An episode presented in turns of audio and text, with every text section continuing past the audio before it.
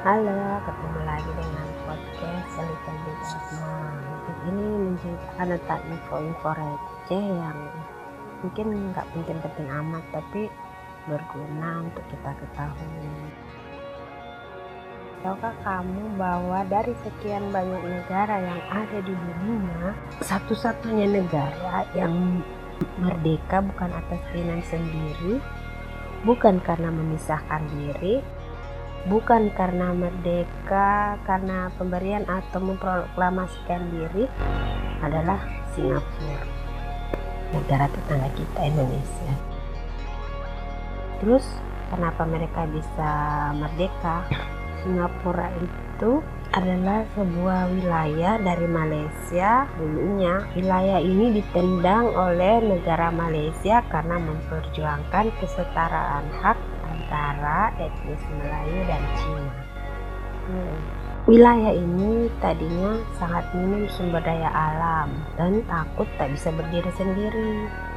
Makanya pada tanggal 31 Agustus 1963 Singapura memilih bergabung dengan negara Federasi Malaysia. Belum setahun bergabung, Federasi Malaysia maksudnya di dalam negeri negara Malaysia sendiri terjadi kerusuhan antar etnis dan itu sering terjadi terutama di wilayah Singapura itu. Nah, Parlemen Malaysia pun bersidang untuk memutuskan masa depan negeri yang terletak di sisi barat laut Pulau Kalimantan. Apakah akan tetap dipertahankan atau disingkirkan?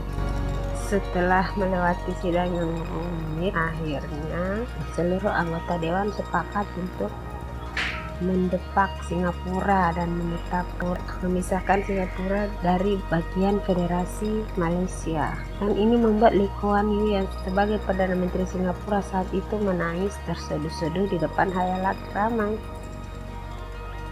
karena harus memulai hidup mandiri. Di tahun 65, tepatnya pada tanggal 9 Agustus 1965, Singapura resmi berdaulat dan merupakan satu-satunya negara yang merdeka bukan atas keinginan sendiri.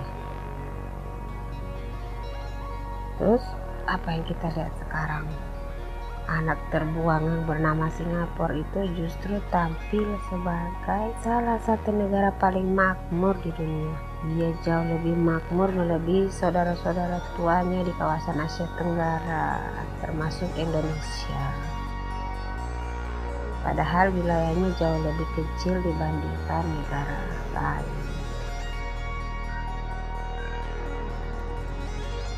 Nah, itulah dari dari sejarah berdirinya Singapura.